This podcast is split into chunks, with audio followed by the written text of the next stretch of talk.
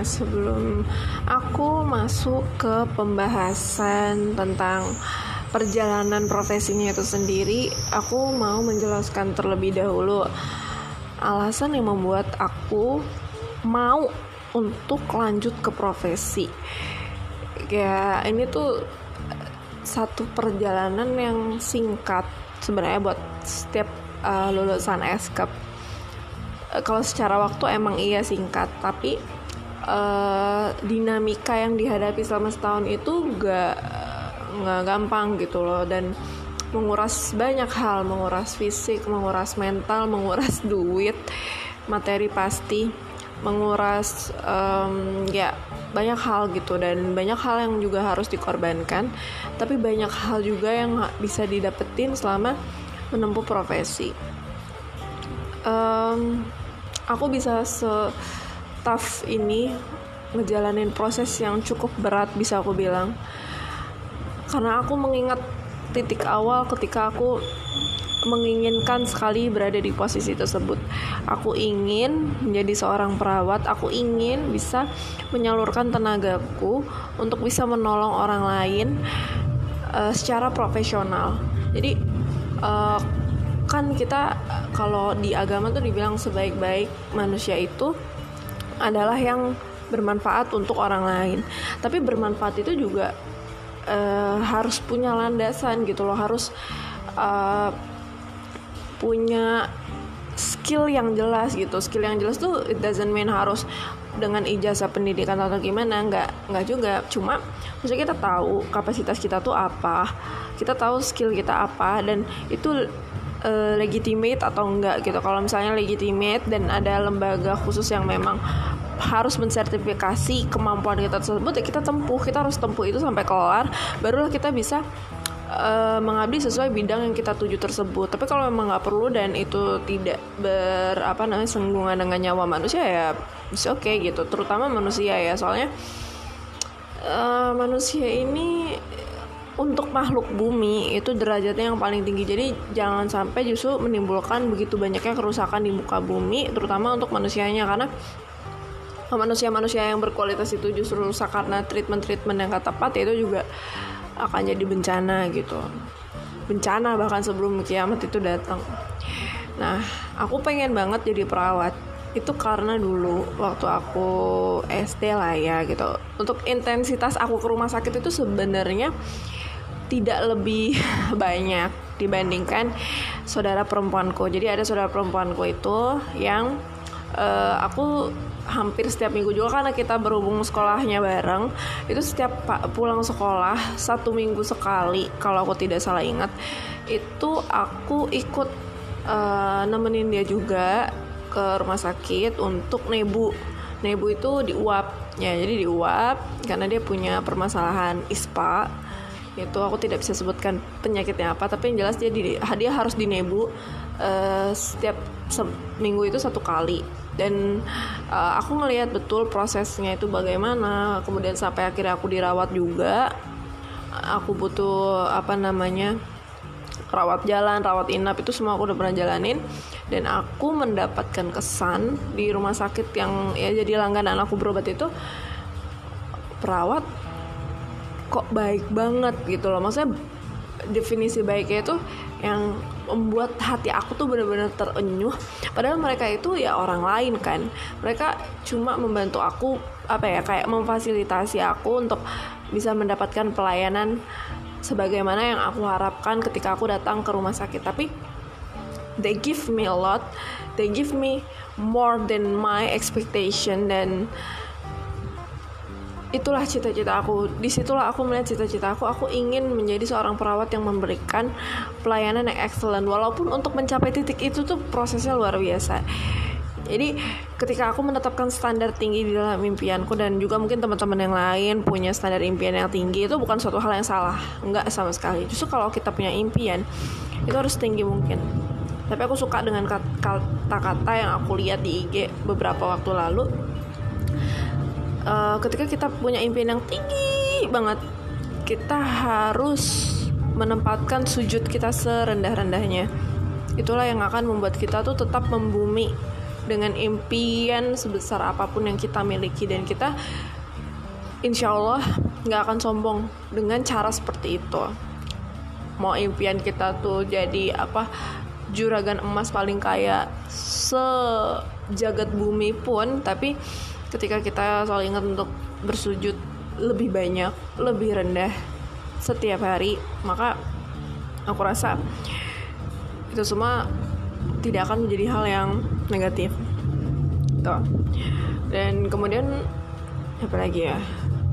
Ya aku selalu berpikir sejak aku dilatih itu bahwa aku tuh sering sakit gitu. Jujur sering banget sakit labil banget badan tapi kalau dipikir-pikir lagi gitu. Dan seiring dengan proses itu dari sejak aku SD sampai dengan kemarin aku nggak garap skripsi juga. Itu aku diperlihatkan banget um, situasi di mana penderitaan yang aku alami itu nggak sebanding dibandingkan ya pasien-pasien lain yang aku lihat yang jadi uh, apa namanya responden penelitianku dan lain sebagainya itu berat gitu loh dan yang aku salut adalah melihat keluarganya semangatnya 45 gitu untuk menyembuhkan si anggota keluarganya ini. Uh, mereka berjuang mencari pertolongan, mereka berjuang untuk terus treatment dengan obat-obatan yang ada yang diminum harus uh, apa namanya selama beberapa tahun. Dan untuk menurunkan dosisnya itu juga butuh uh, waktu yang cukup lama. Ya mungkin bisa 6 sampai 10 tahun. Ada yang empat tahun. Dan itu beda-beda tergantung kondisi penyakitnya masing-masing. Jadi di situ aku ngelihat banget. Walaupun aku sering sakit tapi sakitnya tuh masih bisa dibilang cukup sepele gitu loh kayak ya aku mudah untuk menemukan akses informasi maupun uh, pertolongannya yang seperti apa ya seharusnya untuk kondisi aku. Tapi di luar sana banyak sebenarnya saudara-saudara kita yang tidak semudah ini gitu loh kayak di Papua, di Kalimantan, di uh, Nusa Tenggara gitu-gitu negara yang eh negara sorry daerah-daerah di Indonesia yang cukup cukup jauh dari ibu kota. Uh, bahkan kemarin sempat pas aku dinas di RSCM juga itu ada yang operasi untuk keganasan gitu pengangkatan tumor sampai ke RSCM itu dia asalnya dari Sumatera ada Kalimantan juga ada ada yang dari Bengkulu itu operasi rekonstruksi tulang hidung karena tulang hidungnya rusak. Jadi untuk mengakses layanan yang seperti itu dia harus ke Jakarta dulu, artinya dia harus terbang kan gitu atau ya naik kapal gitu kalau dari Sumatera. Sebegitunya gitu dan kalau misalnya kita yang cuma ngadepin kemacetan ibu kota aja untuk misalnya ke RSCM kita dari Tangerang dari Banten gitu-gitu ya itu belum ada apa-apanya dan di situ aku jadi mikir banget gitu bahwasannya apa yang aku lakukan saat ini usaha yang aku lakukan untuk sampai di titik menjadi uh, perawat yang luar biasa itu tuh struggle-nya dan lain sebagainya berbagai macam pengorbanan itu emang aku harus lewatin gitu. Aku nggak boleh ngeluh aku nggak boleh menye-menye cengeng karena ini udah menjadi pilihan aku gitu loh.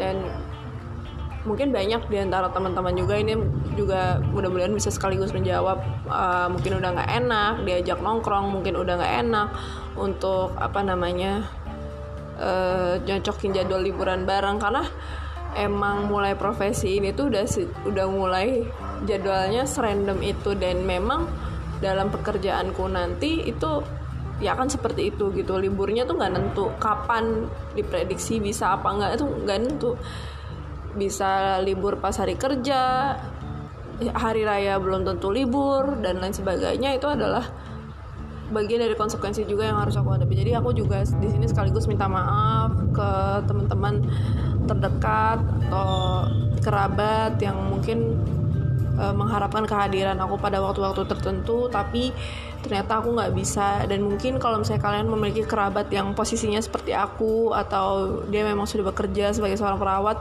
percaya deh kalau uh, ya walaupun nggak bisa ngumpul di waktu yang diharapkan gitu yang udah di planning tapi kerabat kalian itu lagi ngumpulin ladang amal terbaiknya di situ dengan melayani setiap pasiennya yang menyambung kehidupan dari setiap pasiennya.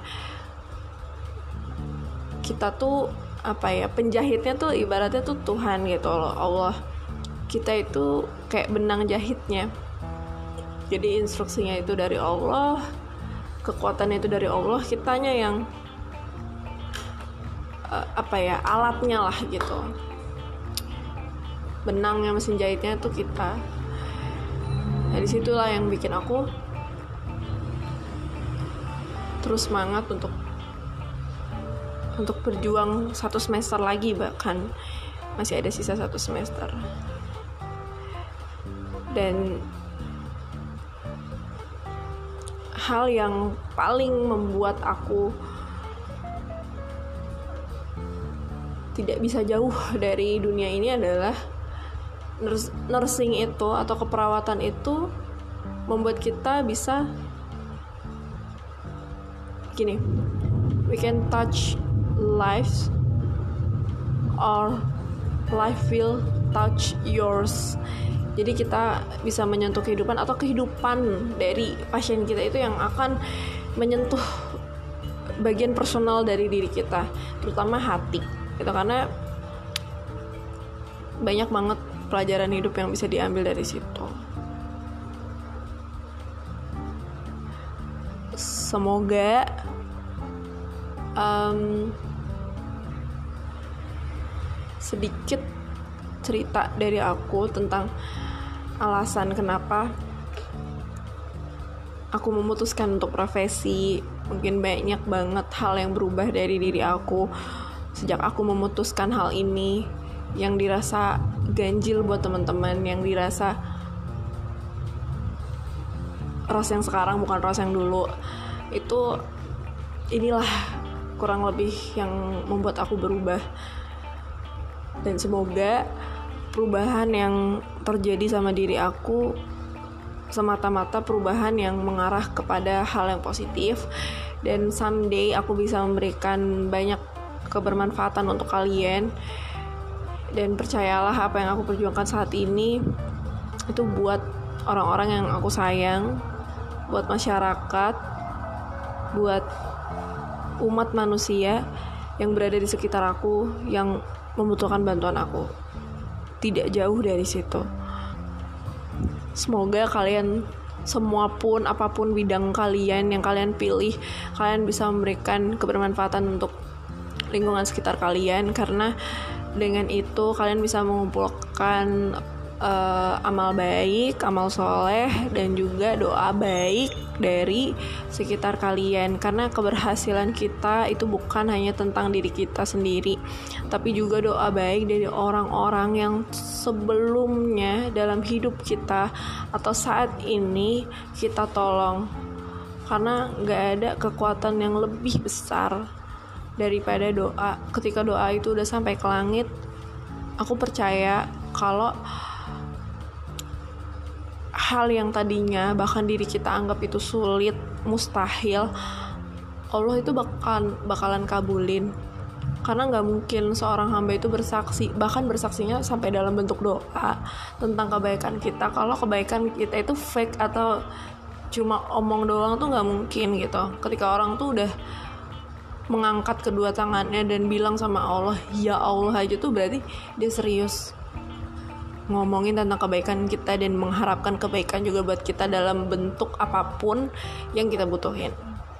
Semangat buat semuanya teman-teman yang mendengarkan podcast pertama aku hari ini. Dan sisanya akan aku lanjutkan next time mudah-mudahan dua atau tiga hari yang akan datang ya. Thank you